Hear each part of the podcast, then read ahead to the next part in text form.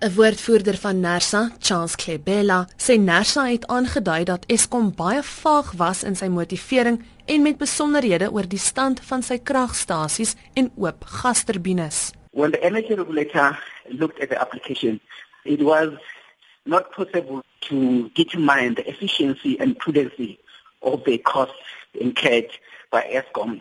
Because for the energy regulator to, to be able to determine the efficiency and the prudency of the incurred costs, it needs to have all information regarding all the costs of Eskom. So in this, in this application, that was not part of the application.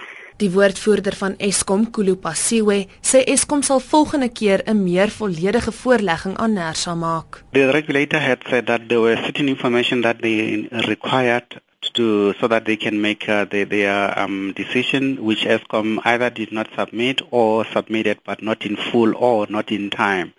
So I suppose as we revise our strategies, we'll have to see as to how we can uh, make sure that next time when we do make any submissions, then we, we comply with all the regulations that uh, NERSA has raised. So we are not uh, necessarily contesting anything from the regulator. It could have gone any either way. The the decision, uh, the, the regulator has now decided not to grant us any increases.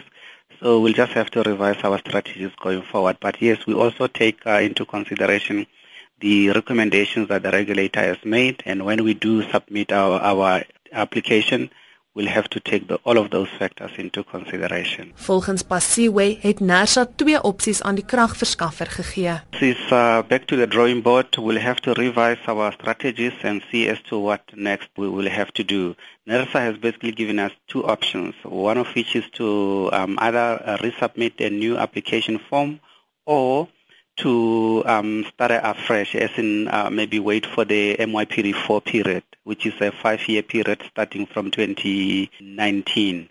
So we'll have to wait and, and see as to what decision the board, ESCOM executives, plus the Minister of Public Enterprises come up with. Pasiwe sê dit is nou tyd vir Eskom om plan B te implementeer. It's not a train smash. We we as a company uh, continue to operate. We we have other levers that we will continue to um, uh, accelerate on a on a regular basis. Actually, after every two weeks, we issue bonds within ESCOM where we go to the international markets to issue bonds. So we'll continue to do those.